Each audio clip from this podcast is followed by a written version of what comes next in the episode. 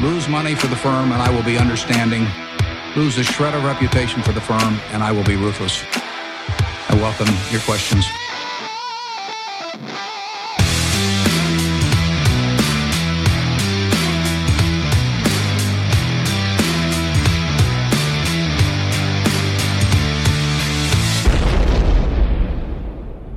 Välkommen till Kvalitetsaktiepodden. Det är jag som är Ola.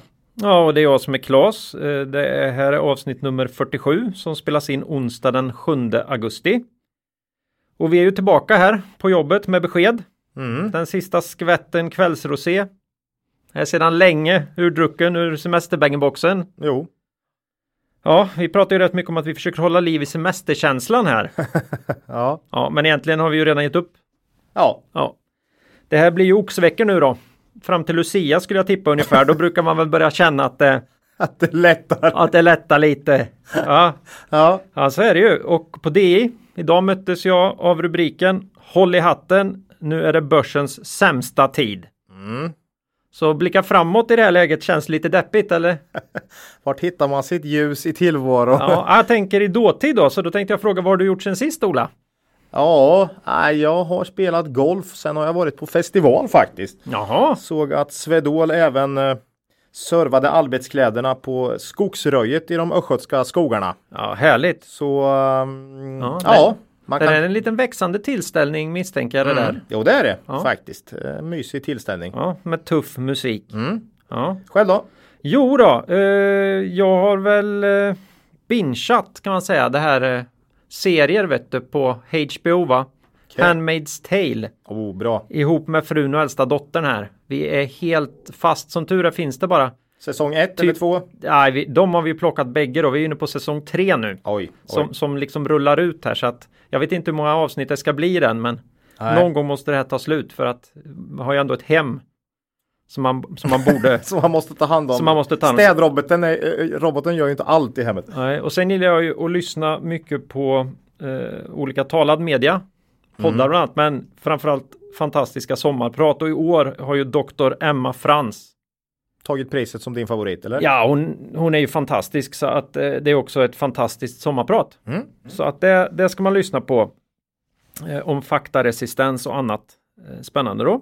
Härligt. Mm. Och sen vill vi ju som vanligt eh, tacka vår samarbetspartner Börsdata. Mm. Värdeinvesterarens bästa vän. Ja, Utan den här fantastiska tjänsten vore våra arbetsliv lika oförutsägbara och melankoliska som rörelsen i de tidiga höstlöv som vi snart kommer få se utanför fönstren här Ola. ja jo, jo Mm. visst är det så. Nej, jag håller med. Eh, Börsdata är ett verktyg för eh, och, och källa till inspiration och glädje. Ja, nej men man blir ju, man blir ju glad. Ja, det blir man faktiskt. Ja men det underlättar ju livet så fruktansvärt ja, mycket. ja, Eh, för värdeinvesterarna är det- Ä- Även om man älskar Excel Mm. så, så kan man ju ibland få ta lite genvägar tycker jag. Ja. Eh, ja, det är fantastiskt. Mm. Ja, idag då? Ja. Lite aktuellt Mm. som vanligt, något snabbt där. Mm. Eh, vi går igenom fem bolag, Mm. två nya. Ja, det vart ju inget sist då, så då fick man ju steppa upp med två den här gången. Ja, vi, vi stretade ju på under, under våren här för att ta oss upp i 100 bolag och sen kan man säga att det liksom Mm. tog stopp lite grann. Mm. Men nu har vi ju sagt att vi ska försöka varva upp igen under hösten här. Mm, nu ska vi försöka ta de här bolagen som eh, ändå passerade vår, vår screening hyggligt. Mm. Och sen ytterligare några då. Ja. Så, som, som vi tycker att vi dyker på vid olika screenings Mm. och annat då. Mm. Ja, så men fem bolag idag då. Vi är ju lite i stormens öga kan man säga när det gäller rapporter här. Mm. Ja, så är det ju. Så nu är det väl den här lilla mikropausen i Q2 här. Ja. Eh, mellan de som släppte tidigt och de som kommer Ja. sent. Då. Ja. Folk ska komma tillbaka nu från sina semestrar och, Mm. eller har kanske gjort det och börjar nu Rafs, ihop. rafsa ihop siffrorna för Q2. Japp. Eh, vi ska också prata lite om våra interna investeringsregler Mm. eh, som vi har kopplade till att vi faktiskt både jobbar aktivt med investeringar på börsen och har den här podden. Mm. Bra. Eh, och sen då ska vi ha ännu ett sedelärande. Och jag funderar på, eller borde det i detta sammanhanget faktiskt heta sedellärande citat från Mr Buffett. Det är, det är inte Ja. givet Nej. eh, här nu då. Så att det får vi se. Mm. Men innan vi går vidare med det här vill vi påminna våra lyssnare om att aktieinvesteringar alltid innebär ett stort risktagande. Aktier kan både gå upp och ner i värde. Satsa därför aldrig kapital på aktier som du inte är beredd att förlora. Det vi säger i podden ska aldrig betraktas som köp eller säljrekommendationer. Gör alltid din egen analys av bolagen innan eventuell handel. Ja, aktuellt Ola. Du hade någonting där. Ja, två grejer. Ja, börsen, förutom att börsen har gått ner en del på sistone här, eh, rekylerar upp lite här idag såg vi med någon procent. Så, så som väldigt många skriver om nu, så fort börsen hackar till lite så, så, så skrivs det väldigt mycket om det. Men jag tänkte vi skulle ägna en kvart här nu åt det här handels, handelskriget här mellan Ja. Kina och... nej, vi brukar, nej. Ju, vi brukar ju lämna sånt och det gör vi även denna gång då. Ehm, Något mer bolagsrelaterat ja, då? vi, vi snackade om Distit här i det här uh, Dismiss eh, avsnittet i somras när vi screenade på massa bolag vi har fått in från lyssnare. Mm. Eh, kan Och inte ni eh, gärna kolla på det här? Mm. Eh, Och där tyckte vi ju då initialt att vi kan inte dissa Distit. Nej, för att nej, det ser mycket som ser intressant Mm. ut, men vi jag sa då att vi är svårt att penetrera det här bolaget för det är så mycket engångsposter hit och dit jämt. Mm. Både positiva och negativa då och eh, ja, nu då eh, för två veckor sedan kom det ytterligare ett, ett nytt pressmeddelande där man säger att man eh, under andra kvartalet genomförde en, eh, en större genomgång av bolagets affärsstruktur och organisation för att ytterligare realisera eh, och ident- intensifiera marknads och kostnadssynergier.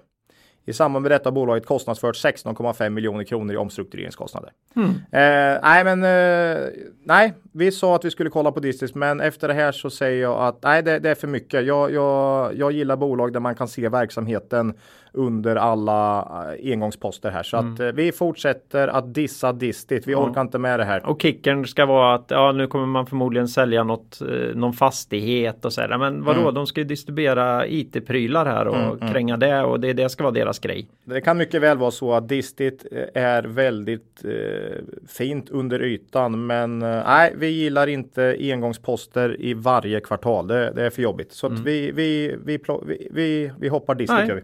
Det, då säger vi det, det är förmodligen ett kanonbolag men det finns andra bolag också Mm. Ja, som det vi finns kan... så många som man Ja. kan ta som inte har engångsposter hela Ja. tiden. Så, så där ryker de. Mm. Mm. Eh, bud i kappal. Mm. Det, Det- ja. Det Eh, var jag som sa att eh, betydligt vad försökte jag få till det? Far more money have been lost eller Mm. man har tjänat väldigt mycket mer pengar på att inte vänta på bud än i budet självt kan man säga. Eh, men här kom det ett bud på Kappahl. ja, eh, dock hade ju aktien tappat från 40-50 spänn innan, så har man väntat på bud sedan dess och fick nu då 20, 20 spänn, spänn. så hade man ju då ändå tappat 50 procent va? Eh, så att du hade ju mycket rätt i det där att vänta på bud eh, är ju inte en bra strategi över tid. Det tror vi inte på. Nej, du måste Eh, nej, men det var ju så. bolaget. Mellby Gård är ju största ägare i Kappahl och eh, de eh, la ett bud på 20 spänn Mm. På aktierna i Kappahl och det är 40 budpremie. Och det är ju helt okej. Mm. Absolut. Eh, Men man ska komma ihåg som sagt att aktien har gått ner från 45 till 15 kronor här sista åren. Mm. Så eh, ja, det, sett ur den, i det perspektivet så är ju inte budet så vidare bra, men eh, det är svårt att vara bitter tycker jag. Marknaden har ju, vill inte äga Kappahl. Eh, jag själv vill heller inte äga Kappahl. Så eh, får man då ett bud på 20 spänn så ja, om börsen handlar det till 14 så då, då får man ta det helt enkelt. Eh, så är det. Ja. Men anledningen till att vi tar upp det lite mer här då, för undrar man, ni brukar väl aldrig prata Kappahl? Vi kanske gjorde det någon gång i, Ja, i begynnelsen Ja, där när vi mm. pratar mycket retail och retail-döden och här. MQ, Kappahl och så vidare. Ja, Mm. ja visst. Eh, då är det ju det här med att man nu kan ha, handla den till rabatt då. Ja, just Eh, det. och vi gör en koppling lite grann. Jag tror vi kanske nämnde det på den tiden när Ahlsell Var under bud ja. var under bud. Då gick ju vi in där och fiskade upp Mm. mellanskillnaden då mellan eh, nuvarande kurs och budet. Ja, Det var en 2,5 procent Ja, något sånt. med. Ja. Tre tror jag nästan det var där. Ja. Mm. Eh, Men det tänker vi inte göra här. Nej, alltså det där är ju alltid en svår grej. Eh, Kappahl handlas nu till 19,50 eller något. Eh, och budet ligger på 20 kronor. Mm. Så köper du idag så kan du ju få de här 50 örena per aktie. Eh, Mm. när du löser in. Eh, och likadant var det i Ahlsell här för något år sedan eller två. Då gick vi in med ganska mycket för vi kände att huvudanledningen till att vi gjorde det var ju att vi kunde tänka oss att äga Ahlsell om budet skulle falla så att säga. Eh, för vi tycker det, det var ett bra bolag. Eh, här är ju stora skillnaden att Kappahl skulle jag verkligen inte vilja äga om det här eh, budet faller. Så, um, man kan väl säga så enkelt att vi förstod, vi kunde förstå varför man ville köpa Ahlsell mm. och delade den analysen, men Mm. vi förstår inte varför man vill äga Kappahl i det här läget. Så. Mellby Gård är väl de som bäst kan Kappahl säkert Mm. och eh, de tycker deras argument för det här är ju att det är lättare att vara utanför börsen om man ska göra den här typen av tuffa åtgärder som det krävs. Ja, ja. Eh, och det kan jag hålla med Kan om. fokusera på det istället för kvartalsrapporter. Och, Ja. Ehm, nej, jag skulle inte vilja äga Kappahl idag och då, därför köper jag inte heller för att spekulera i det här. Då. Jag tror ju att sannolikheten är oerhört stor att, Att det här går budet igenom. går igenom. Eller den är så det är nog 2,5 procent arbitrage då inom situationstecken eh, på en månad. Eh, det är stor sannolikhet för det, men nej, jag, jag, skulle det falla så kommer det rasa något hiskligt här, ja. tror jag. Eh, Mm. Faktiskt, så då, då tror jag den ska ner till 15 spänn igen faktiskt. Så att, eh, jag vågar inte helt enkelt. Nej. Nej. Eh, Så det var det med den Mm, det om det. rabatten. Mm. Eh, ja, annars hade vi inte så mycket. Nej, nej, jag tycker vi går på de här rapporterna och nya bolagen här vi har, vi har kollat på. Mm. Eh, och vilka bolag är det idag då Claes? Ja, idag ska vi då börja med två nykomlingar i podden. Kul! Vi inleder då med Elanders. Mm. Sen blir det E-work, Mm. E-work Group. Båda kommer ju från lyssnare då som har, som, Ja, ja. har, som har bett om det. Ja, och Elanders har, har, har blivit, blivit upplyft där då i våran i vårt diss-avsnitt. Mm. Eh, sen är det ju eh, gammal skåpmat för kaplyssnarna. Det blir Doro. Det blir Nordic Waterproofing och högintressanta G5 Entertainment. På slutet ja. Mm. Mm. Fem stycken är bara, men eh, så kan det vara. Ja, Och eh, vi kör igång med Landers direkt här då. Och eh, det här var ju det första avsnittet vi inte kunde avfärda som sagt var i det här sommaravsnittet där vi försökte försvara varför vi inte tittar på en del bolag vi får frågor om. mm. Och det här är ju ett gammalt bolag i tryckeribranschen eh, som de med Carl Bennet i ägarstolen sadlat om till en, och jag ska säga betydligt bredare global paketerings och logi- logistikkoncern. Mm. Eh, så då är ju frågan, ska vi ta rygg på Bennet? ja.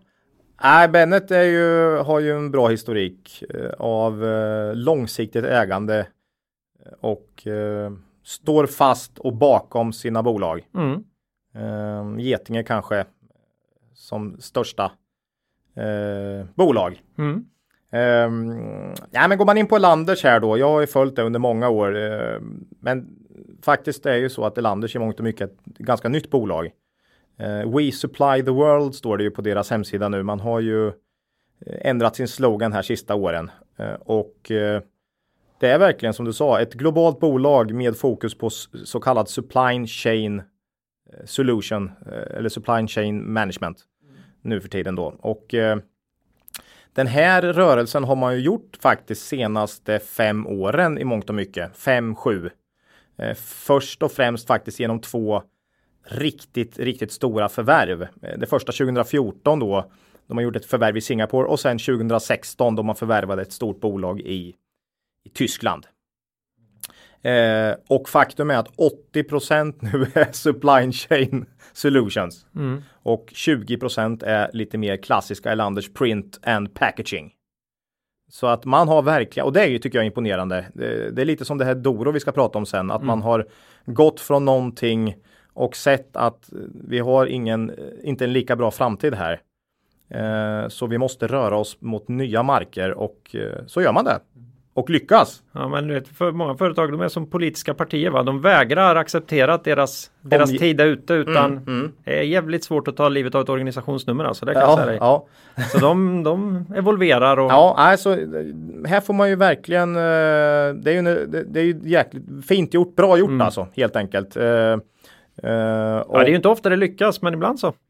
Ja, ja, precis. Nej, men Elanders har verkligen lyckats med den här omställningen. Eh, kunderna är ju spridda över många branscher. Eh, det är liksom Först och främst faktiskt elektronikföretag som, som jag berättar för dig här 35 procent. Eh, fordon 25 procent, industri 15, fashion and lifestyle 15. Så att eh, hyggligt brett. Eh, men visst är en hel en tyngd mot industri eller konjunkturkänsligheten då. Mm. Eh, största marknaderna idag Kina, Singapore, Storbritannien. Oh, ja, det låter ju inget bra när jag tänker på det så. Det, Kina är ju verkligen nu i, i stormens öga mm. och Storbritannien vet vi ju om, om Brexit och så här då. Mm. Men faktum är att det är de största marknaderna då för, för Elanders. Eh, vad nu det bådar. Eh, om det bådar gott eller inte. Sen har du Sverige, Tyskland, USA eh, såklart. Men eh, ja, man är, man är bred kan mm. man säga. Kina har ju varit en, eh, en bra grej att säga i många år, men just nu klingar det lite sämre.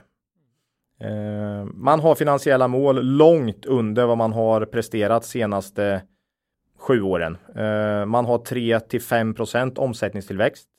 Inte mer helt enkelt och man har ingen kassa för att eh, liksom på något sätt förvärva nu. Så det får nog bli där framåt. Mm. Ebita-marginalen har man satt mål på 7% Man ligger där på 5 nu, så där har man väl lite att göra faktiskt fortfarande. Eh, om vi kollar på historiken då, eh, så som jag sa, det är, från 2011 och framåt är det väldigt fin historik. Men innan dess så hade man förluster 2006, 2009, 2010. Så det var en hel del förlustår där. Eh, men 11, sedan 2011 har man ju ruggigt bra historik med eh, omsättning och vinstökning per aktie på över 20 procent per år enligt börsdata. Och man måste kolla, per, ju, ja, och man måste kolla per aktie här förresten för det, det, är en hel del utspädning här. Ja, på grund, av de här jätteförvärven. Ja, men ändå så har man per aktie ökat med över 20 procent då i, i vinst. Och det kollar man ju så himla lätt på just börsdata. Ja, precis. Uh, nej, men uh, Elanders är i mångt och mycket ett nytt företag. Uh, jag tycker man ska fundera på konjunkturkänsligheten nu. Om den är annorlunda på grund av att man är ett nytt företag. Mm. Eh, om vad händer liksom om ett nytt 2008 skulle vara i antågande. Eh, den tycker jag är svår idag, men kollar man på kunderna så är de ju relativt konjunkturkänsliga skulle jag säga. Eh, så ja, jag, tror nog att man kan dras med ganska rejält. Eh, kanske inte försvinner helt, men eh, man drar förmodligen ner och det flödar mindre varor och, och så. Um, sen har du det här med skuldsättningen. Jag tänkte säga det, det är ju inte så farligt att vara lite konjunkturkänslig om man bara har en bra kassa. Ja, nej, det har ju inte Landers här nej. då. Um, nettoskuld genom ebitda ligger ju på cirka 4 då enligt börsdata. Ja, det är smärtsamt. Uh, och det har faktiskt legat på den här nivån sedan 2016 då man gjorde sitt senaste eh, jätteförvärv. Ja, det här är ju ingen IFRS-effekt. Nej, inte mycket tror jag, utan mm. den har faktiskt legat hyggligt konstant den här skuldsättningen i, i i tre, fyra ja, år. det är för mycket, det är på tok för mycket. Ja, det, det är lite mycket. Eh, och framförallt då med, kopplat till många kunder inom klassisk fordon och, och, och verkstad och så. Så kan det bli tufft. Eh, ja, man har ju stark ägare naturligtvis. Ja, men... skjuter till mer pengar såklart, men uh, utspädning är inte roligt om Nej. det blir nyemission och så liksom. Uh, nu tycker jag att vi kanske låter lite väl negativa, mm. för det är ju fin historik, alltså 2011 såklart. Men det har inte varit de här riktigt tuffa tiderna heller sedan, sedan dess. Utan eh, ja, vi får nog se. Q2 här då, som kom in hyggligt nyligen, visade på omsättning på plus 4% Så då ligger man här mellan 3 och 5 som man har som mm. mål. Organiskt var den dock nära noll, så det var en del valuta där också. Eh, rörelseresultatet plus 18, bra, men juni Sista månaden i kvartalet betecknade man som svag. Vilket skapar lite oro inför Q3 där. När, sist, det, det, när man ändå säger så. Va? Mm. Eh, vet man ju inte om det spiller över nu, om det fortsätter faktiskt. Eh, värderingen. P10. Mm. Låter ju inte jättedyrt men eh, inte EV, med den tillväxten. Nej, EV ebit 14. Då, då händer det lite grann. Här. Händer lite grann och kollar man på EVE då aj, aj. så är det 26. Men då straffas de ju dubbelt där ja. i EVE. Då, oh. då, då är det ju dels eh, skuldsättningen i börsvärde som man lägger till börsvärdet och dessutom finansnettot som är riktigt uselt då. Så EVE tycker inte jag är särskilt bra som, som mått. Men i de här lågräntetiderna ska du fast inte ha ett uselt finansnetto. Alltså. Nej, men de har så pass mycket skulder ja, så det, det, blir ju så. Nej, men EV-ebit då för att få med skulden här så är det ju 14 och det är ju inte billigt för ett bolag som växer med 3, 3 5 per år framåt. För jag, man kan inte göra de här förvärven, tror inte jag. Eh, löpande, utan eh, ja, direktavkastning nära 4 procent. Eh, summa summarum, ja, Elanders har varit väldigt bra sedan 2011, men med den här övergången, man har lyckats väldigt bra med övergången och man är väl i ett nytt bolag, men värdering och framförallt skuldsättningen tycker jag eh, är något som inte riktigt attraherar mig i dagsläget då. Vi får väl se hur det går för bolaget i nästa lågkonjunktur. Skulle det vara så att det är mindre konjunkturkänsligt än vad det har varit förut så kommer man ju se det.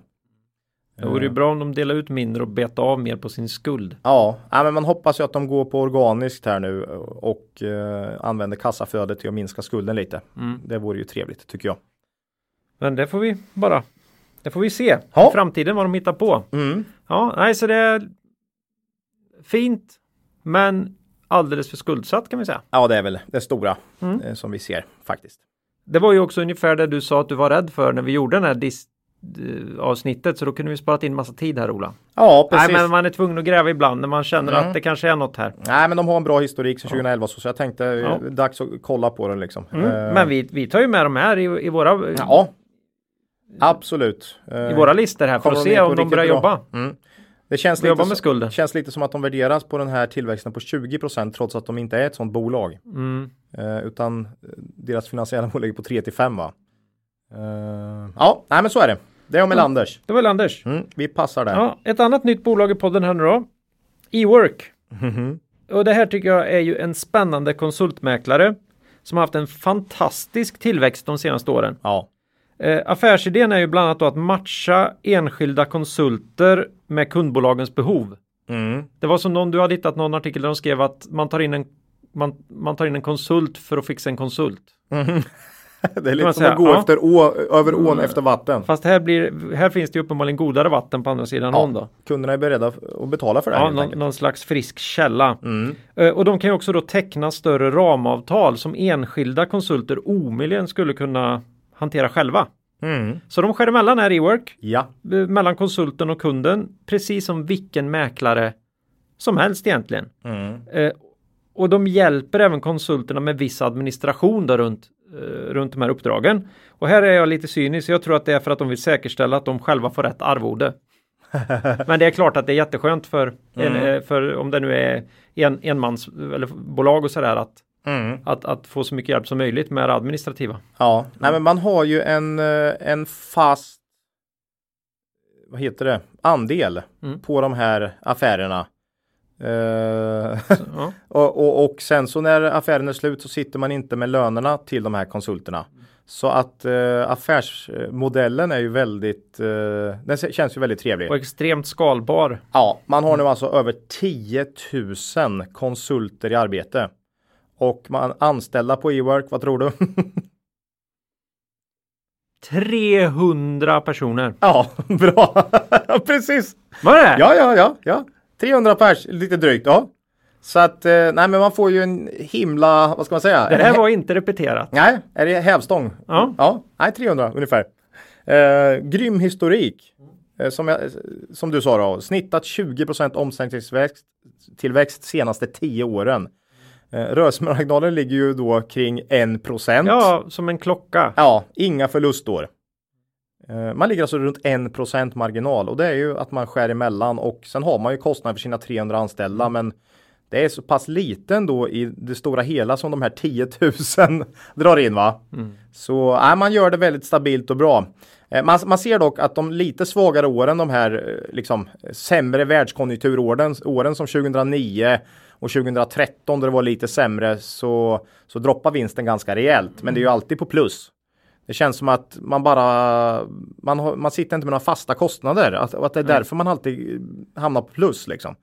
Tappar man intäkten så tappar man också kostnaden för att ja.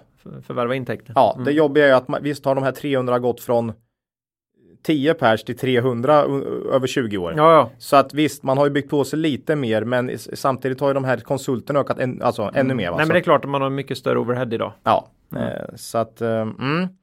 Eh, tillväxten är så vitt jag kan se helt organisk. Inga mm. förvärv.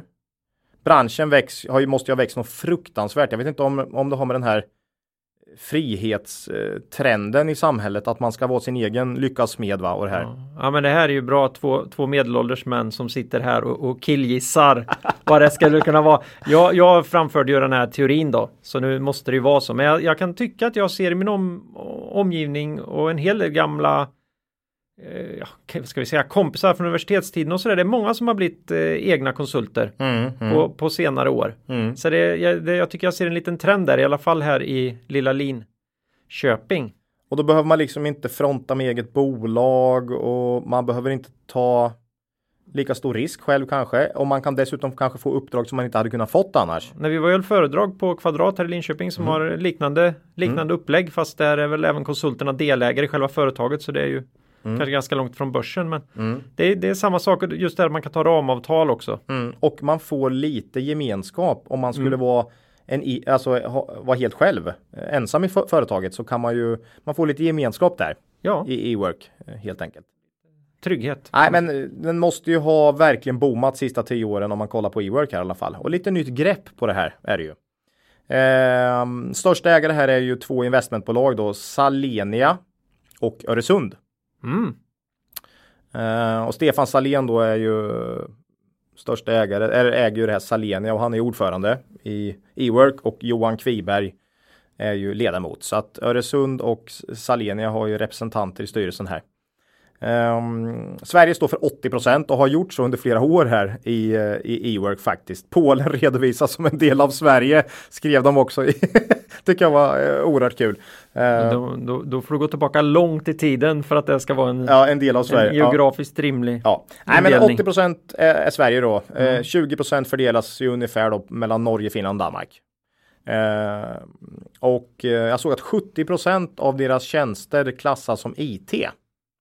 Så ja, jag trodde ju det faktiskt det var mer klassiskt teknik, eh, ingenjörer och så, men nej, mycket IT. Eh,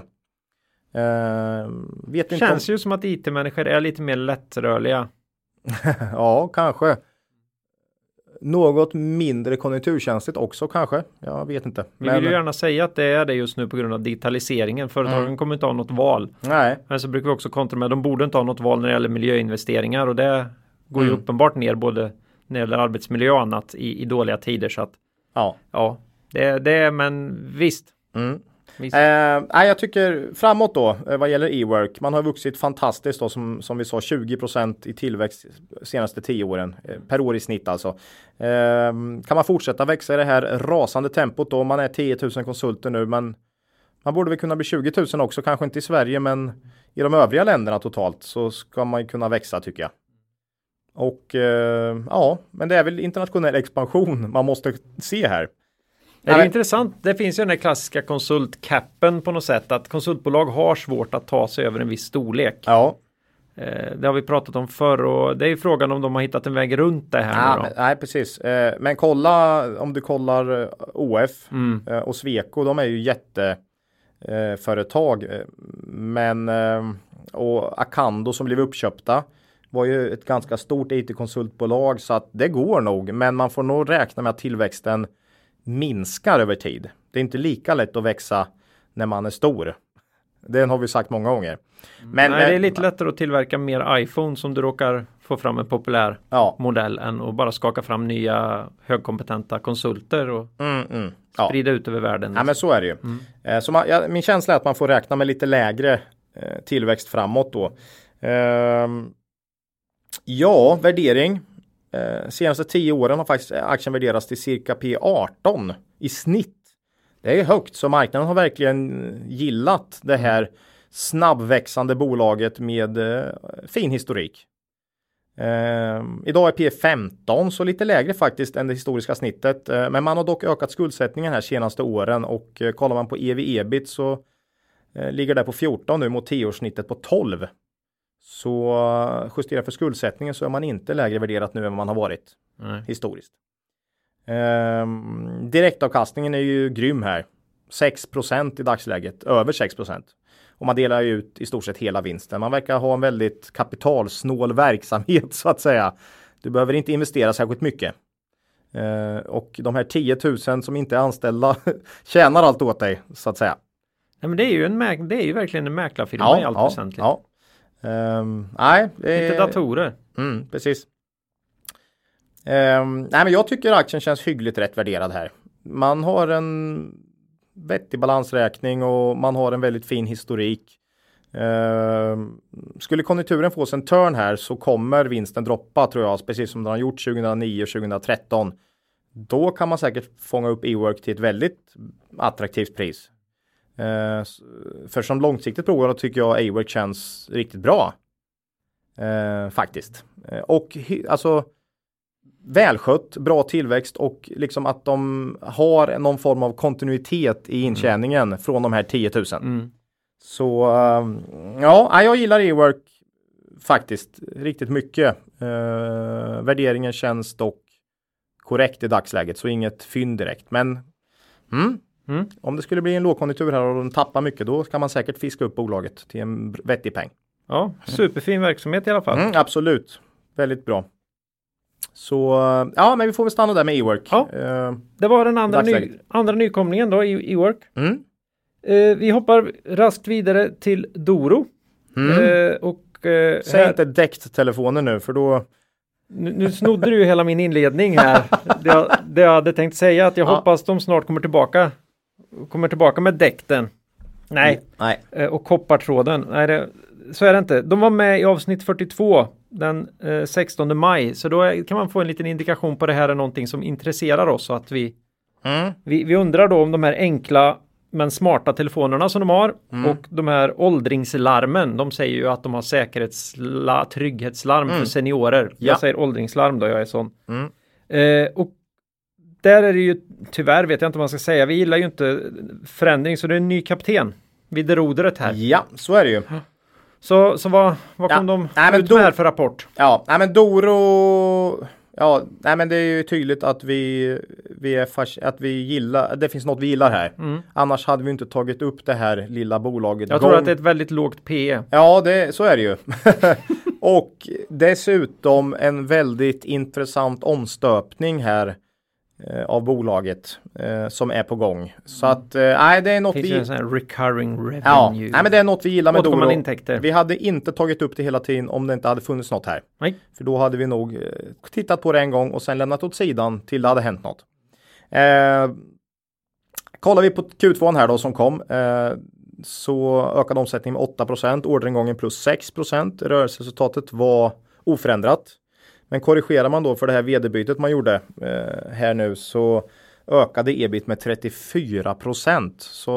och då undrar man ju hur mycket kan det där ha kostat när, när skillnaden var mellan oförändrat till plus 34 procent. Mm. Jo, det ska jag tala om för dig Claes. Vd-bytet i Doro kostade 9 miljoner kronor. Hur nu detta är möjligt eh, i ett litet bolag. Eh, Man blir äh, lite förbannad. Ja, lite så. Eh, det, liksom... det, är ju helt orimligt. Ja, det känns så. Jag vet inte om det var före detta eh, vdn som hade en lukrativ fallskärm. Eller nya vdn som inte gillar tapeterna.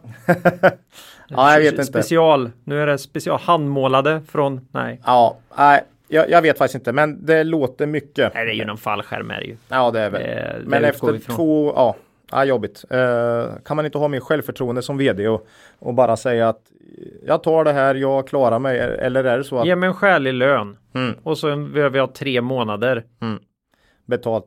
När, när, när, när jag inte sköter mig. Men det ser väl ut sådär i, i, i många, många bolag. Eh, men det där, det där var faktiskt i, i mastigaste laget tycker jag. Eh, eh, Forsk, forskningen på området är väl ganska tydlig med att du inte får bättre vd bara för att du ger dem bra. Nej, jag tror trygghet. Nej, av, avgångsvederlag. Nej.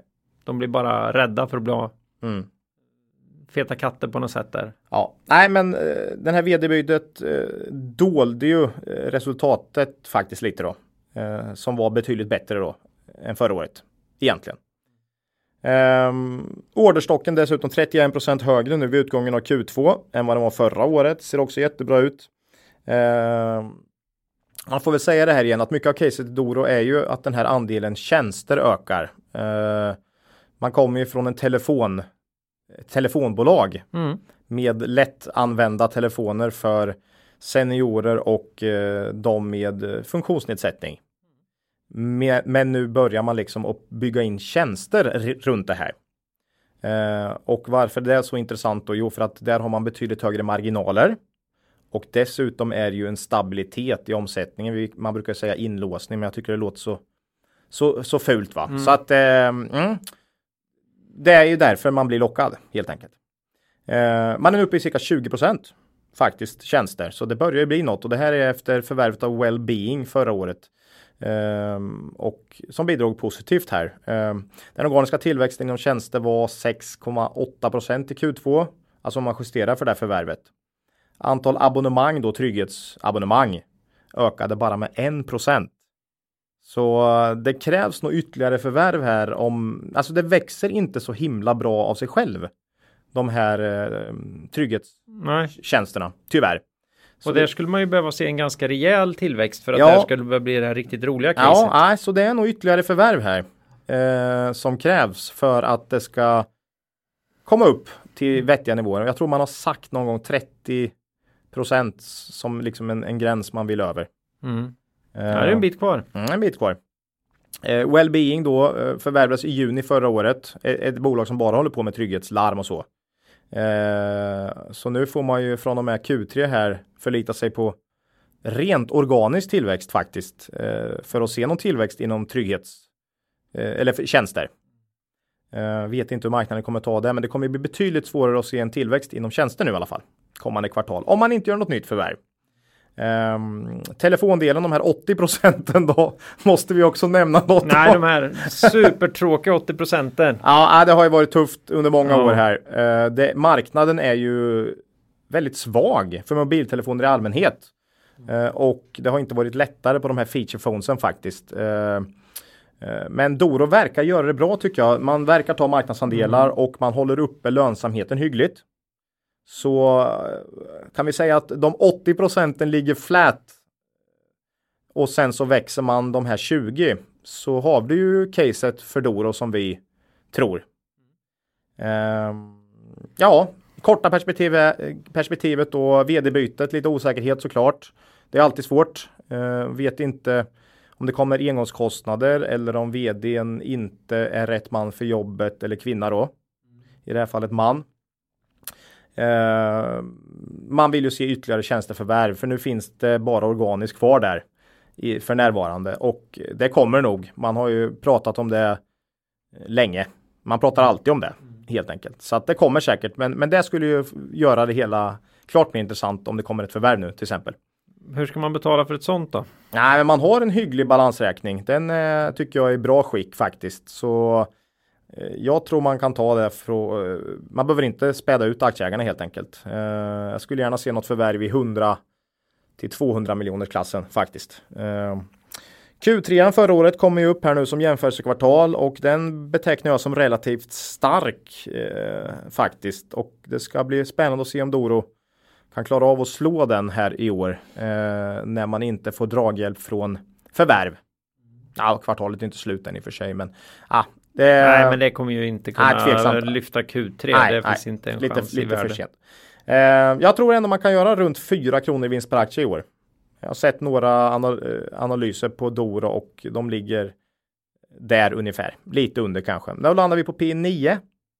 Det är inte dyrt för ett bolag i en hyggligt stabil eh, bransch ändå med en åldrande befolkning och där de här tjänstedelen ökar. Mm. De har ganska mycket business i eh, UK va? Ja, jo det har de ju. Och, Brexit. Men, ja, precis. Uh, ja, det vet inte du vad det är Ola, men det är en grej de håller på med nu. Nej, jag har inte hört talas om det. I EU och Storbritannien är lite sådär, i, lite beef kan man ah, säga. Men, okay. ja, ja. Nej, jag vet inte. Jag tror inte ja. det kan påverka Doro sådär jättemycket. Jag vet inte. Det är väl pundet i så fall. Uh, mm. Som jag ser som den stora faran där. Ja, jag tycker, eh, som jag sagt, förmodligen sagt här tidigare poddar, jag, att jag tycker det är ett mycket intressant case. Just med den här tjänstedelen som ökar. Eh, det var dock länge sedan vi ägde några aktier i Doro och eh, ja, vi mm. äger inga aktier nu heller och vi får väl utvärdera här efter Q3. Mm. Eh, eller om det kommer något nytt förvärv eller så. Får vi väl komma tillbaks till Doro.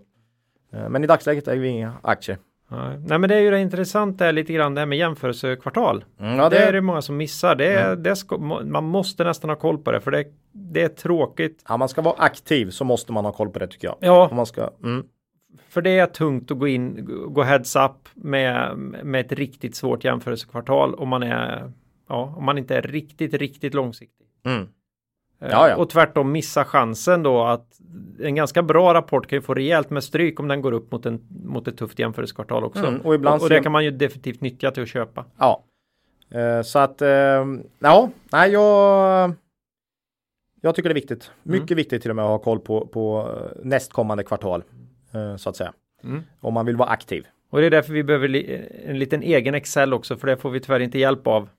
Nej. Han har inte börjat med spådom än nämligen Nej. George på börsdata. Så det får vi, Ja. det får vi leka med själva. Vi kommer säkert tillbaks till Doro. eh, mm, Det kan framöver. vi nästan garantera om inte annat för att någonting väldigt konstigt har hänt. Hoppas man kanske köper aktier där någon gång i framtiden. Det, mm, ja, rätt läge bara, väntar vi på. man blir ändå lite glad varje gång man pratar Ja, Doro. det tycker jag.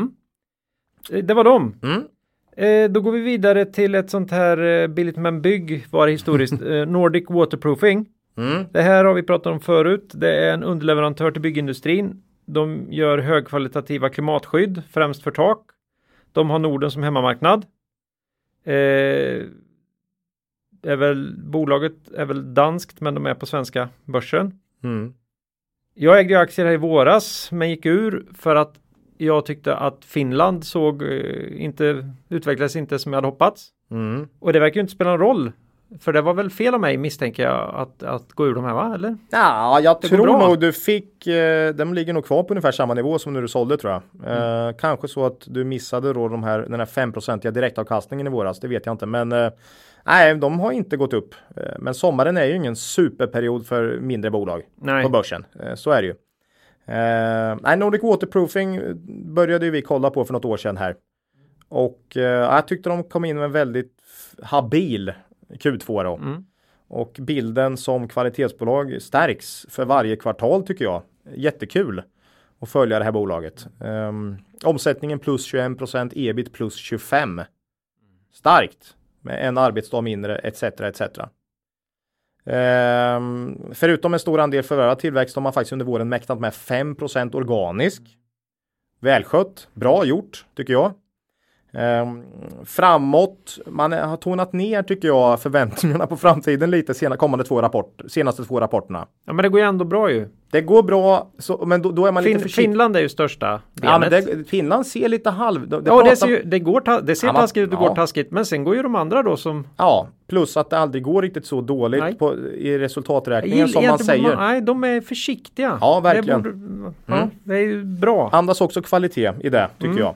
Ehm, nej, men kollar man här framåt höst och nästa år så det verkar liksom den förvärvade tillväxten kommer inte generera lika mycket. Eh, Man har faktiskt lyft fram organisk tillväxt som nummer ett nu såg jag i rapporten. Ehm, eh, och det gör ju att man, man tonar ner förväntningarna lite på, eh, på framtiden. Eh, vad, vad vad gäller omsättning och lönsamhet tycker jag. Um, nej, det är svårt att tro på några större vinstökningar under hösten, men eh, det, ett sånt här bolag kan överraska faktiskt. Eh, man håller fast vid sin ganska modesta prognos att ebit ska öka i år jämfört med 2018. Man är hyggligt Det försiktig. kommer där. man förmodligen lyckas med. Ja, man, lig, man ligger ju hyggligt bra till efter första halvåret då. då. Ehm, man har en nettoskuld på ebitda på 2,9 nu, men man fick en ganska stor smäll här av EBIT, eh, IFRS faktiskt ah, inte, men, men den var betydande ändå, så att jag tycker man är rimlighet. Man har, man har ändå en rimlig balansräkning liksom. Eh, P12 här ungefär på 2019 års förväntade vinst. Eh, hade det varit 9-10 hade man ju nog varit köpare kanske. Eh, här är det bara bra. ja, jag vet inte, det är svårt. Eh, direktavkastning 5 Nej, det är mycket som känns bra med Nordic Waterproofing, men nej, man har många bolag som krigar om portföljen och sådär, så att nej, vi äger inga aktier i dagsläget, men bilden av kvalitetsbolag stärks hela tiden tycker jag. Mm. Jag har, vi har inte jättelång historik här för de kom till börsen för inte sådär hiskligt många år sedan. Och det gör ju också att man vågar inte riktigt tro på, på bolaget men hela tiden, jag tycker de visar framfötterna gör de. Riktigt fint faktiskt. Ehm, så att eh, ja, det är inte så jättedyrt. Det är absolut inte på P12. Ehm, Men ändå nettoskuld och lite sådär så att eh, Nej, det, det saknas ju säkerhetsmarginal här på något sätt nu. Ja, lite så Mm. och man tonar ner förväntningarna på kommande kvartal och så där. Så um, ja, nej, vi, vi, vi äger inga aktier här i dagsläget. Men fint bolag, Mm. absolut. Men man är rädd att man kan sitta här om ett år och säga ja det kostar ungefär som det gjorde förra året för den här tiden. Alltså det, Mm. det är svårt att se här nu hur det ska Mm. om det ska om det tar fart så gäller det vara med. Ja. Men den här bygg, liksom initiala byggkrisen man pratade om förra sommaren, den har ju inte alls synts särskilt mycket. Det är ju de här det är ju de här bostadsutvecklarna Mm. som fick en rejäl smäll men övriga kringbranscher har inte drabbats särskilt hårt tycker jag. Inte så som man snackade om då. Faktiskt. Nej, aktierna har tagit stryk men, in, men inte, inte, bolagen. Nej. Nej. Ja, nej, men vi får stanna där på New York Waterproofing eh, för tillfället. Eh, Fint bolag, absolut. Men Mm. eh, ja, vi äger inga aktier. Ja, inte läskande Nej. just nu. Eh, ja, sista bolaget för dagen då. Här är det ju riktigt, du, vad brukar du kalla de här, ett fullblod? ja, G- G5 Entertainment. Ja, vet, du Eh, vad- de gör? Ja, de gör eh, spel till mobilen för eh, mestadels inriktat mot kvinnor över 35. jag tror det är över. Möjligtvis att man också får vara 35, jag är inte säker. Jag, jag lirar ju en del av de här spelen med ganska stor behållning. Mm. Det här, från början så höll de ju på väldigt mycket med, de tog ju licensen kan man säga va, på det här Hidden City som är någon slags Hidden Objects spel som jag inte förstår. Jag har ju försökt spela det. Jag, Mm. jag, jag förstår inte varför någon Inte jag heller. vill hålla på med det här. Nej. Eh, eh, men däremot de här eh, Men du är heller inte en kvinna över 35 Claes. Ja, men ja. Du är över men, 35 i men och för sig. Jag tror att det finns många som gillar de här spelen, men de är inte Mm. för mig. Nej. Men däremot så tycker jag deras nya nu, eh, Match 3. Match 3 är ju kul. Det är ju gamla, det är ju Candy Crush. Ja, Och de, jag tycker de har gjort något nytt här Mm. i, i de här senaste spelen som har kommit. Så det, det började med Pirates and Pearls här förra året som Ja. jag tyckte var svinkul. men som inte, som inte lyfte. Nej, inte riktigt. Nej. Eh, sög väl ut mig lite pengar men inte några stora sådär. Men, Nej. eh, men eh, nej, nu har de ju tagit eh, ett, ett nytt grepp här. Mm. Ehm, Så det, det är G5. Ja, det är G5, precis. Till skillnad från spel om pengar så är det här eh, förstörelsespel som kan kosta lite. Mm. Om vi säger så då. Man köper virtuella saker för att få fördelar i spelet. Ja, precis. Eh, det här är ju bolaget med kanske Nej, det vågar jag inte säga, men eh, bland de bästa tioårshistoriken på börsdata. Eh, 60% per år i tillväxt över 10 år i snitt alltså. Mhm. Det är, om vi tyckte 20 var bra på de här vi har pratat om tidigare så är det här helt otroligt ju. Eh, dags fluga kan vissa kanske säga och sådär. Svårt att säga, men historiken är i alla fall väldigt bra. Eh, senaste 12 månaderna har dock varit betydligt tuffare för bolaget. Både vad gäller omsättning och eh, vinst. Eh, både omsättning och vinst har nämligen tappat då. Eh, och om vi pratar om aktien så har ju den fullkomligt kollapsat. Faktiskt. Den var uppe i nästan 600 kronor Mm. förra sommaren. Och nu står den i 80 spänn. det är ju helt brutalt faktiskt. Och aktien har betört, berört sig betydligt mer än vad verksamheten har rört sig. Jag menar omsättningen är ner 15 procent i år. Eh, men den rörde sig också mycket mer upp än vad Alltså, Ja, aktien, alltså den, den värderingen var ju i allt väsentligt bisa- bisarr. Ja, det var P30 på ganska extrema tillväxtförväntningar på Hidden City då. Eh, Och ett spel. även någon slags förväntan på att en massa andra spel skulle börja Mm. generera den typen av intäkter. Vi sa i alla fall förra sommaren här att Hidden City utgör en stor risk med sin dominans då. Eh, och där har vi väl fått vatten på vår kvarn då. Mm. Eh, för det är ju mycket Hidden City som ligger bakom eh, senaste årets eh, uppgång och fall. Helt klart. Eh, spelet drev ju topline under ett par år där. Grymt eh, faktiskt i bolaget, men pikade under första halvåret 2018. Eh, första halvåret 2018, det innebär ju också att Q1, Q2 här i år var faktiskt de kvartalen som jämförelse med eh, den absoluta piken då för det här spelet.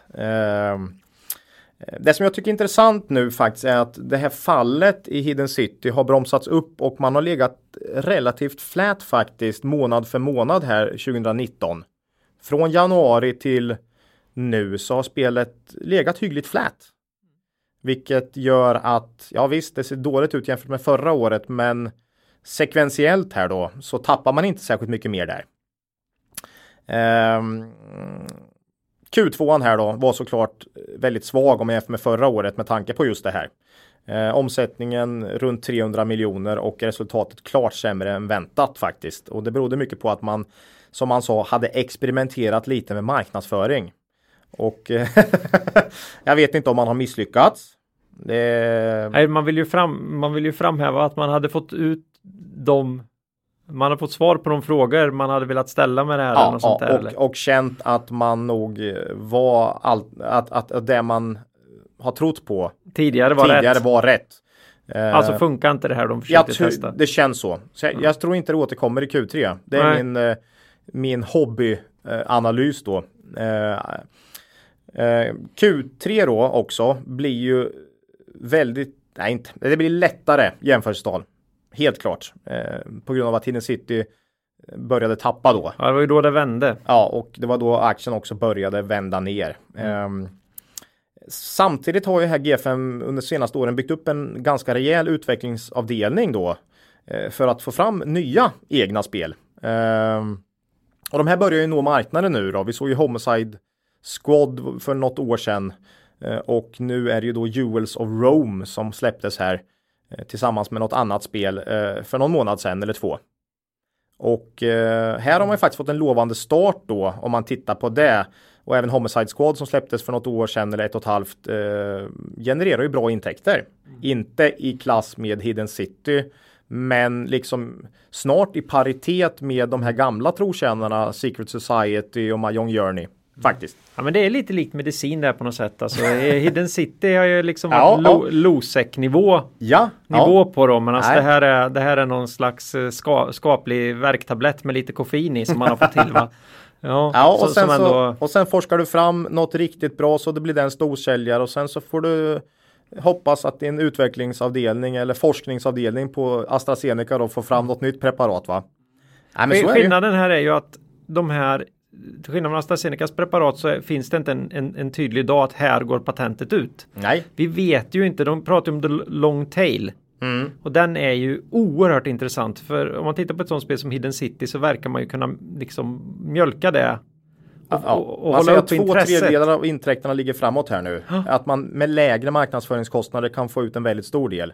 Och kollar man Secret Society har man väl, jag tror de har haft det sedan 2011. Och Hidden City är väl från 2014 gissar jag på. Uh Det är ändå fem år, alltså så att eh, jag, jag, tror det finns en lång, jag, jag, tror här faktiskt att man, att, att man har rätt i det. Eh, Vlad är ju dock väldigt öppen med här när man pratar om sin nya utvecklingsavdelning att det är mycket svårt eller nästan omöjligt att veta vad som kommer bli en hit.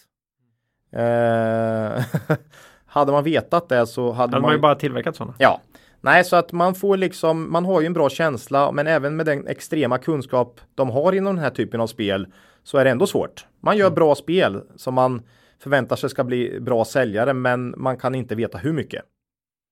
Eh, en fördel nu med egna spel är att man får behålla hela kakan själv. Hidden City är ett sånt här eh, licensierat spel då från en, en, någon annan utvecklare. Så man får ju bara en andel, eller man har royalties som man betalar till den utvecklaren helt enkelt. Um, Vad skalar av en 30? 30, ja något sånt. Eller kanske ännu mer. Ja, ja. 30-40 kanske. Uh, jag tror precis som Introduce och Redda här att Q2 var botten. Uh, och att det nu blir sekventiellt bättre här kvartal för kvartal faktiskt i, uh, i G5 Entertainment. Och det bygger på att de befintliga spelen nu verkar ligga hyggligt flat faktiskt. Har gjort under ett halvår medans de nya nu kommer in och faktiskt driver omsättningen. Ehm, det är inte helt obetydliga delar av omsättningen redan faktiskt. 5-10 procent bara på några månader. Mm. Alltså, så det är Homicide Squad och uh, Jules of Rome är en, 10 procent av omsättningen redan. Uh, bruttomarginalen kommer ju stiga uh, desto mer nya spel det blir eftersom man inte behöver dela med sig något av vinsten. Uh, kollade lite på, på vinstestimat här och då fick jag kolla på Redeye, Introduce och Stockpicker då som har gjort prognoser här och för 2019 är det 10,6 i vinst per aktie som de ligger på. tycker de prognoserna känns rimliga. Det är liksom inga varken att det händer något extremt uppåt eller neråt. Om du förstår. Eh, på kurs 82 kronor som den låg i här i morse så ger det ett P på 7,8. Väldigt lågt såklart. Eh, dessutom ska man komma ihåg här att G5 har en kassa på 125 miljoner eller 14 kronor per aktie så då har du liksom bara 68 spänn kvar. Mm. Eh, och det är ett kassajusterat P på 6,4. Det är ju verkligen slaktvärdering här. Helt klart. Eh, nej, vi tycker det är för billigt. Nu, nu är det nog. Det är så jag känner. Eh, jag, jag, tycker, jag, jag, tycker, jag, vill ju att vi skulle känna redan vid 100 spänn. Som tur var tyckte inte du det. Men nu, ah, nu, det, nu, har du, nu, har du, också fått nog. Nej, men jag tyckte vid 150 spänn också att det var billigt. Mm. Men någon gång måste man ju se, inse att när varje rapport, rapport ser sämre och sämre ut. Ja, då kommer det fortsätta det ner. kommer fortsätta ner. Mm. Men nu tror jag och ja, de här analyserna jag läst på faktiskt en sekventiell förbättring Q3, Q4 framåt då är det för lågt med P 6,4 kassajusterat helt enkelt. Eh, och jag ser det som sannolikheten är relativt stor att eh, man börjar öka omsättningen nu. Ehm, eh, mobilspelsmarknaden har ju betecknats som relativt konjunkturokänslig. Det är liksom inte Boliden precis. Eh, och eh, en av de snabbaste växande branscherna inom spel faktiskt. Ehm, man har också pratat om Apple. Ehm, kommer de kunna ta 30% av vinsten från alla de här i all oändlig tid. Eller eh, det, det, finns en viss press på Apple har jag läst i artiklar och så om att det är för högt helt enkelt. Mm. Eh, det kan börja dyka upp alternativa sätt att få ut det här. Um, ja, nej, det är för billigt. Inte utan risker dock. Det ska vi ju definitivt tillägga här. Är, några av de nya egna spelen måste ju börja generera eh, liksom substantiellt omsättning. Gör de inte det så blir det ju ingen tillväxt. För de gamla spelen växer ju inte så mycket. Um, ja, eh, eller inte alls. Eller inte alls. Det är skönt att se att Euro Rome har fått en bra start då, mm. kan man säga. Uh, man ska ha respekt för nedgången i aktien också. Har en, en aktie gått från 600 kronor till 80 och P är nere på 6-7 då kan det lika gärna falla till 5. Det är liksom, mm. det är så mm. brutalt ändå. Va? Så att man måste ha is i magen och man ska ha respekt för den här kursnedgången. Uh, jag har inte hittat några stora blankare. Men det kan ju vara mindre blankare som kan tjäna på nedgång. Nej, men summerar vi risk kontra möjlighet och avkastning här så tycker jag ändå att det känns intressant på nuvarande. Det, det känns för billigt helt enkelt. Så vi har faktiskt köpt lite aktier efter Q2 här. Mm. Uh, ingen jättedel av vår portfölj men uh, Substantiellt ändå. Ja, absolut. Mm. vi tror det finns en viss sannolikhet för att botten är nådd här nu. Eh, I alla fall för verksamheten. Aktien är, är, är svår att säga om, men, eh, men verksamheten. Det kan ju alltid bli billigare. Det kan det alltid bli. Det, mm. det känner ju du till. det kan alltid. Det ja. kan alltid bli billigare Ola. Ja, ja. Nej men visst, man har en viss känsla av uh, value, Nej, det value trap här. Ja, men skulle det visa sig att man har gasat på ännu mer här med mm, användarförvärv mm. och så här och, ja. och, man kommer in med en... En, en, en omsättning en, ungefär i paritet. Ja, ja då är det, det inte kan bra. göra jätteont alltså. Så att det här är... Lite uh, risky men någon gång får man nog när man tycker att slaktvärdet är Ja, ja, alltså skulle man lägga ner allt här och bara mjölka, mjölka ur spelen med väldigt så skulle man ju lätt tjäna in det här. Men eh, mm. det kommer man ju inte göra. så nej. att, så att eh, nej, jag tycker G5 Entertainment känns eh, tillräckligt billigt eh, risk-reward nu. Så att eh, mm, spännande mm. att följa den aktien. Den är extremt volatil så att eh, det här ska vara pengar man inte behöver i det korta perspektivet så att säga. Ja, det gäller väl alla, alla pengar man sätter ja, precis. På börsen. För vi vet vad Trump twittrar mm. imorgon. Eh, det är om G5. Mm. Och, eh, var med det... senast sa jag inte i avsnitt 38 21 mars. Så det var mm, ett eh, ja. tag sedan. Ja. Eh, mm. Ja, och det var alla fem bolagen för idag. Ja, det lyckades vi ändå mm. dra ut på. Ja, rejält i tid. Där, att... Det är du som pratar så. Ja, jag vet. Jag, jag bara sitter här och pratar strunt. Mm. Men så kan det vara. Eh, måste ju få göra det nu. Jag har ju varit tyst hela semestern här. Mm. Ja. Ja, nu blir, vi, nu blir det allvarligt här Ola. Ja. Mm. Eh, vi har hittat på en egen lyssnarfråga. Mm. Vi har inte fått den här frågan rakt ut. Nej. Men mellan raderna har vi fått den till och från kan man säga. Okay. Och det är det här med att podden börjar bli lite större. Mm. Eh, och har varit ett tag. 11-12 tusen downloads här nu. Eh, per avsnitt. Mm, mm. Eh, och då är ju frågan hur agerar ni för att inte nyttja kursrörelser som vi eventuellt skapar i bolag Genom vår podd. genom vår podd eftersom vi inte har podden som våran huvudsakliga intäktskälla här utan vi faktiskt försöker leva på att Investera i bolag Ja. på och utanför börsen ja. Mm. Mm. Men där vi också, även om vi är väldigt, väldigt långsiktiga i när vi tittar på, på bolagen så behöver vi handla en del Mm. för att skära emellan lite grann. Vi är aktiva. Vi måste vara aktiva annars så Mm. får vi inte ihop till våra löner. Nej. Då skulle vi behöva väldigt, väldigt mycket mer pengar. Mm. Vad Nej, vi har. Vad har vi satt ihop då Claes? Ja, vi, vi, har, har hittat- tagit fram en egen. Ja, Mm. det här är ju ingen som tvingar eh, en till överhuvudtaget. I, i, i, I gryningen för den här podden så försökte vi prata lite med rättsvårdande myndigheter. Mm. Och de sa kör ni eran podd så får ni väl se. Ja. Eh, vi har pratat med folk som jobbar med, med sånt här. Mm. Eh, vissa oss ganska närstående och eh, satt upp lite regler för oss själva. Eh, hur vi, hur vi Det, pratar det, det är mycket för att vi ska också känna att det inte att, att, att vi gör alltså allt ska vara rent så att säga. Mm. Att vi inte ska känna oss som att vi skulle kunna tjäna på att prata bra om bolag och sådär. Mm, ja, det, det, är ju det det handlar om. Mm. ja, det är ju hela.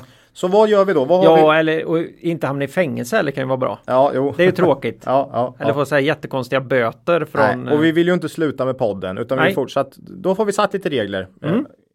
Du får dra dem då Ja, jag hävdar ju att vi har enkla regler, men det vet inte Nej. fåglarna om de är så enkla. Nej. Fyra grundposter är det här då som vi har satt upp. Ja.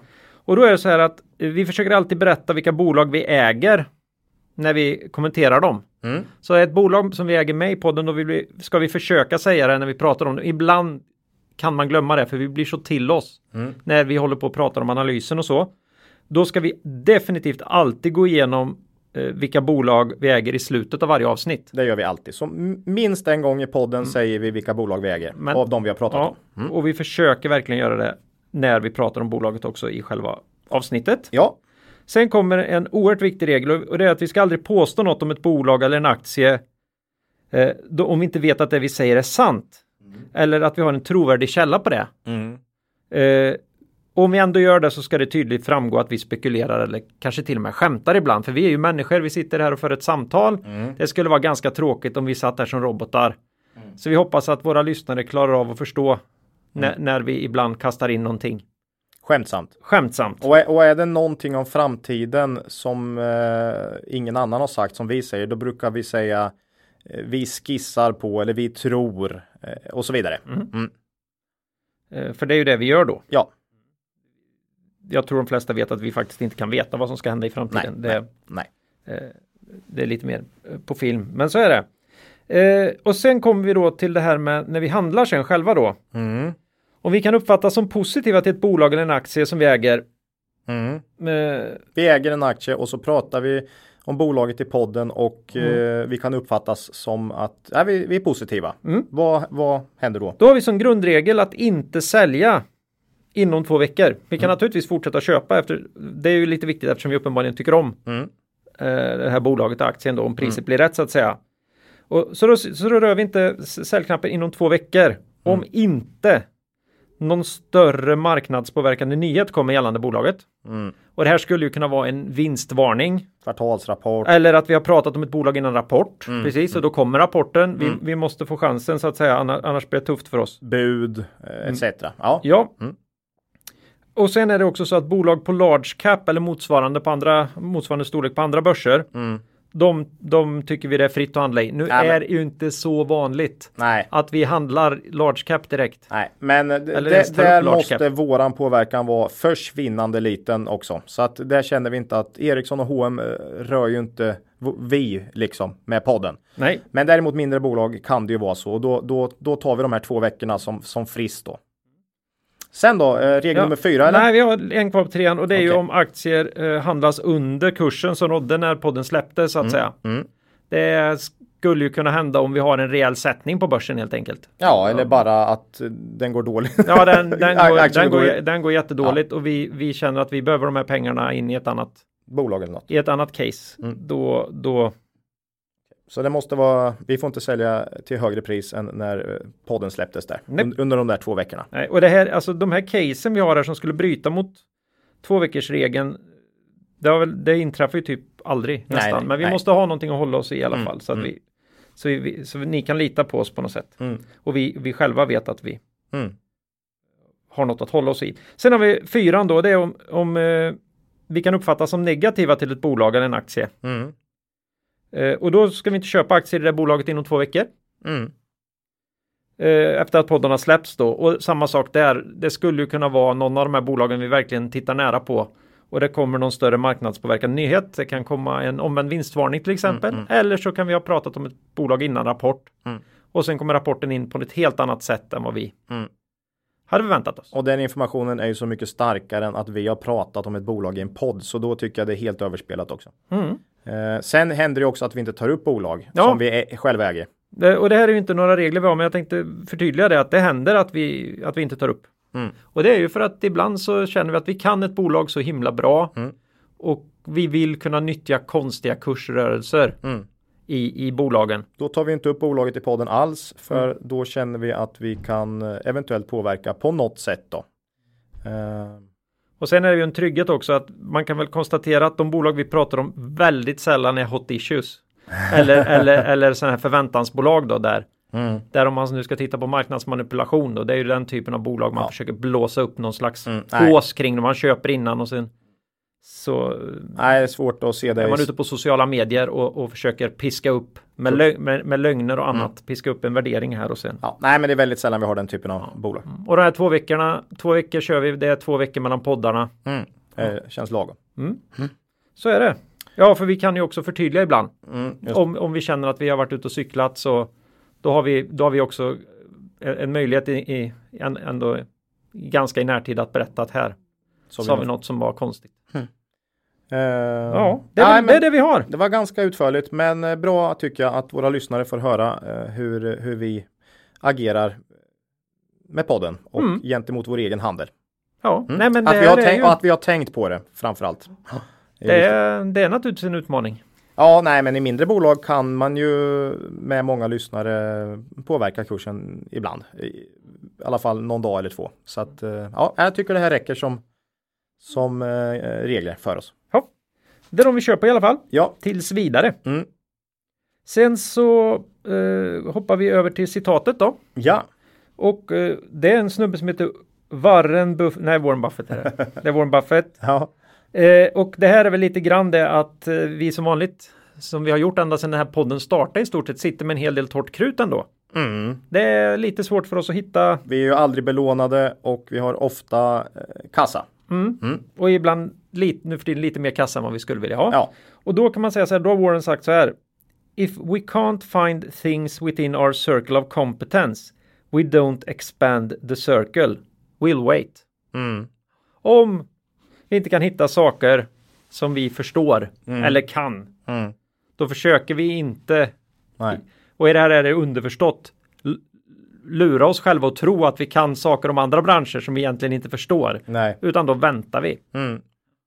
Det, det kräver ju då att man har någon slags kompetens. eh, Nej, men man- grundkompetens Man, väl, man har väl liksom branscher man har följt längre och tycker man kan bättre och eh, Bolag. ja, bolag. bättre. Eh, Vad vi utökar är ju hela tiden antalet bolag. Inom den här. Ja, inom cirkeln snarare. Eh, Men ibland får vi frågor, kan ni inte prata fastigheter eller kan inte prata biofarma eller biotech, sådär. Ja, men det gör vi ju ibland. Och råva, Ja. valuta, råva, alltså eh, vi, eh, nej men vi, man har ju sin cirkel och kompetens och den, den ska man hålla vid. Det, det har ju jag alltid hållit hårt på faktiskt. Ja. Eh, Så att, eh, aj, den där skriver jag gärna under på. Mm. Till 100 procent. Eh, väldigt viktigt. Men många börjar faktiskt när man känner att man inte hittar något skrapa på saker där man egentligen inte har en aning. Just för att det kliar sådant i, i fingrarna.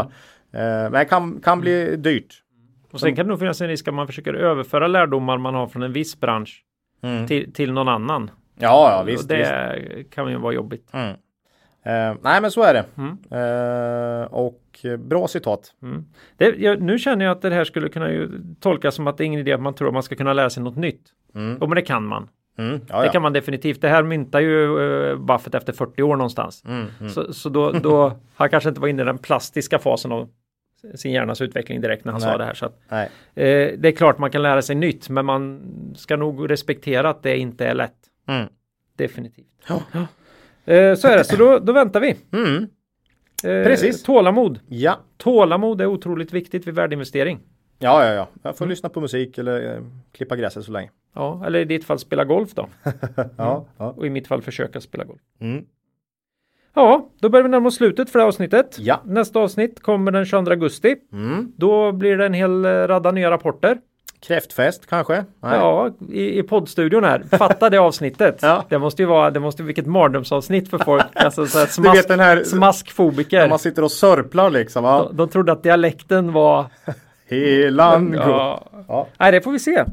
ja, det vore ju spännande. Det, det, så kan det bli. Mm. Det kanske kan bli ännu ett bolag från DIS-avsnittet möjligen. Ja, Vi ska vi, försöka vi, vi ska försöka plocka in ett nytt varje här. Definitivt. Ja, Mm. får vi se Det- vad som det- händer. Det som kan stöka till det skulle kunna vara att det, näst, nästa blir ju mycket rapporter igen. Mm, då nu- hinner man nu- inte riktigt. Nu kommer ju de här två veckorna med de här finanscheferna som haft eh, tidig semester då.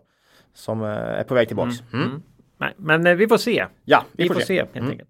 Eh, Så under tiden kan ni gärna, om det är någonting ni har hört här eller vill kommunicera med oss, kan ni mejla oss på kontaktet kvalitetsaktiepodden.se. Man kan eh, kommentera på vår hemsida Mm. under det här Kvali- avsnittet till exempel. Precis. Kvalitetsaktiepodden.se. Ja, Eh, och på Twitter. Ja. Kval at kvalitetsaktie. Ja, det är alltid trevligt på Twitter. Mm.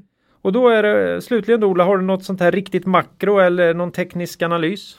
Värt Nej. att ta upp idag? Man snackar ju om allt vad gäller handels... Men nej, jag, jag har inget. Nej. Har du något? Nej, inte egentligen. Nähä. Men det har ju varit semester. Ja, det har du. Och jag har ju funderat en hel del på det här med dialekter och deras egenheter eh, under de här sommarens släktbesök då. Vi har en, en filial i Västergötland och en i Malmö så det blir lite, Dia dialektala mots motstridigheter. ja, man blir lite förvirrad där. Mm. Och en av de bästa verkliga historierna, eller verklighetsbaserade historierna i min släkt, eh, gäller min äldre bror. Mm. Som svarade i telefon på gården en gång i tiden där vi växte upp. Det här var i början på 80-talet. Mm. Nu vet inte jag, jag kan tänka att han var väl en 5-6 år vid tiden här. Och det var min pappas syster som ringde hem till oss då. Och hon var ute på stan i något ärende. Man kan tänka sig att hon skulle köpa något och ville ha någon input. Och nu pratar vi tidigt 80-tal och det innebar ju att hon ringde från en telefonautomat. Telefonkiosk. Ja. Ja, och eh, det, nu tappar jag hälften av lyssnarna här. Så jag kanske Ja. skulle ha varnat. Fan, det var... Ja, det Att nu blir det en sån här uråldrig Mm. Mm. referens då. Men en telefonautomat, ni som vet vad det var, vet Mm. vad det var. Eh, och det kostar ju rätt mycket. Man hade ju aldrig tillräckligt med mynt på sig riktigt för att, att reda ut den där. För de svalde ju så in i bänken de där Mm. Mm. telefonautomaterna. Så man var ofta lite stressad Det där. va? behövdes en näve alltså. Det- Ja, mm. och det hade man ju inte alltid då. Så när eh, brorsan eh, svarade där eh, så försökte hon lite rast klara av artighetsfraserna där och sen bad hon brorsan hämta min far Mm. och att han skulle skynda sig på. För som hon sa, jag står i en automat. Och vi var ju ett antal som var i det där rummet och jag har ju fått det här återberättat för mig, men brorsan vart ju helt tyst. Ja. Och sen efter ganska lång, några långa sekunder sedan, står du i en automat? Ja, Ja, är och det är västgötska det. Den kommer västgötarna förstå och ni andra får fundera ett Ni, tag ni, kanske. får, ni får vara glada för deras skull. ja. Även de tycker att det är ganska dåligt så att det, det, Ja. det bör ni inte vara Nej, ledsna det för. Nej. riktigt torr humor, men okej. Det, så är det. Kul. Så var det. Ja. Så går det till. I Västergötland, Ja. Eh, eget ägande Ola. G5 Entertainment har vi av de bolagen som vi pratade om idag. Mm. Mm. That's it. Det var inte mö. Nej, så kan det vara ibland. Så kan det vara ibland. Ja. Ja. men då säger vi hej då för den här gången. Och kom ihåg. Det är först när tidvattnet drar sig tillbaka som du får se vem som badat naken. Lose money for the firm and I will be understanding. Lose a shred of reputation for the firm and I will be ruthless. I welcome your questions.